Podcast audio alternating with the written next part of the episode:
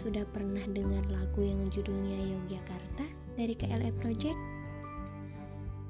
Habis ini dengerin deh, langsung bikin ingin kembali ke Jogja rasanya.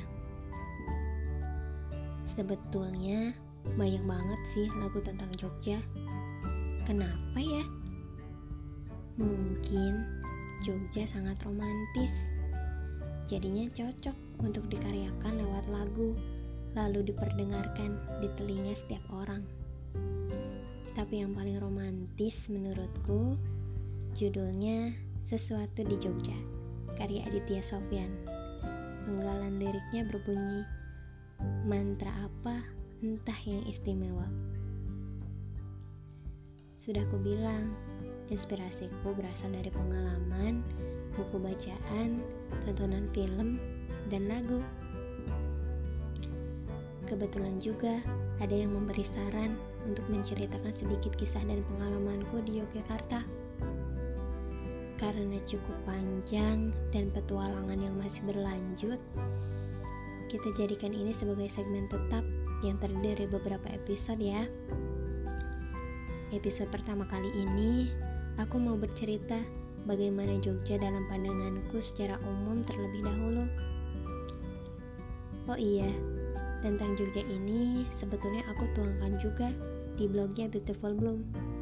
Saudaraku juga bisa membacanya sendiri. Aku sertakan linknya di description box. Oh iya, daerah istimewa Yogyakarta itu terdiri dari empat kabupaten dan satu kota, yakni Kabupaten Sleman, Kabupaten Bantul, Kabupaten Gunung Kidul, Kabupaten Kulon Progo, dan Kota Yogyakarta. Tapi di sini Aku bukan mau bahas Jogja dari letak geografisnya, apalagi sejarahnya. Ah, terlalu panjang dan terlalu banyak sumber lain yang bisa dibaca di internet. Banyak sekali sebetulnya sebutan untuk Yogyakarta. Coba sebutkan apa yang paling familiar di telinga kita ketika mendengar kata Jogja. Apa? Iya, kota budaya. Terus apa lagi? Kota pelajar, kota gudeg, kota perjuangan, kota seniman. Ah banyak. Dan sesuai namanya juga, Jogja, kota istimewa. Kadang aku bergumam sendiri menanyakan, Jogja, kamu punya magnet apa? Ngomong-ngomong, akhir-akhir ini aku lagi kangen banget sama Jogja.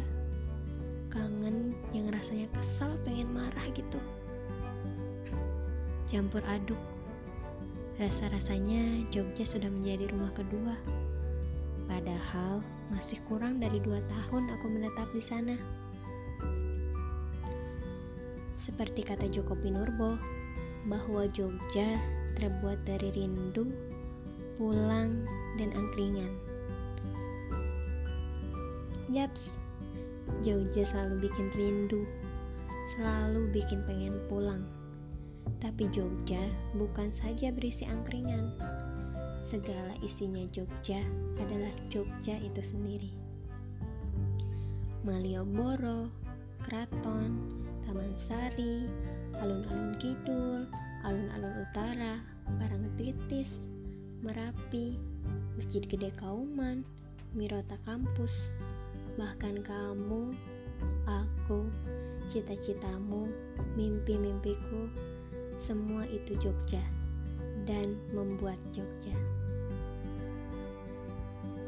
Kalau katanya bumi Pasundan lahir ketika Tuhan sedang tersenyum, namun katanya bumi Mataram lahir ketika Tuhan sedang jatuh cinta.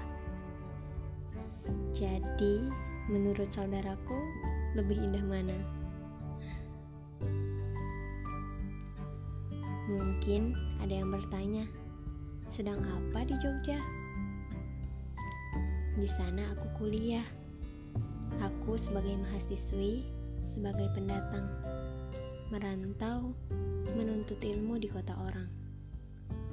Lalu, kenapa harus Jogja, tidak kota lain? Hmm, ceritanya, aku telah terlebih dahulu terpesona akan keindahan Jogja. Bermula ketika aku study tour. Aku jatuh cinta kepada Jogja, terlebih kepada Malioboro.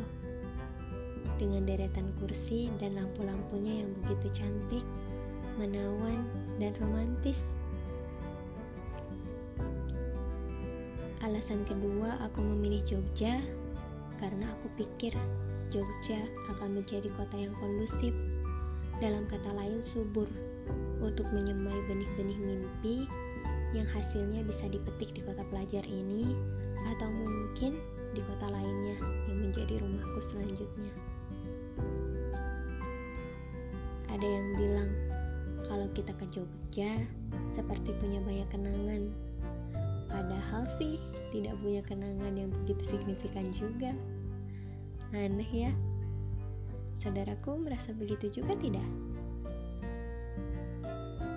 Meskipun Jogja sekarang sudah mulai ngota, sudah banyak mal-mal besar, banyak hotel mewah, tapi ia tak pernah menjadi angkuh. Tetap ramah dan hangat. Ia selalu berusaha mempertahankan kesederhanaannya agar tak lekang oleh waktu.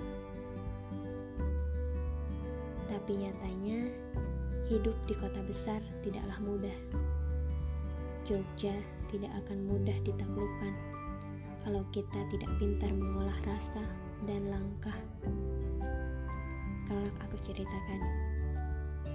Terakhir, lewat podcast ini, aku sampaikan rinduku untuk Jogja beserta isinya.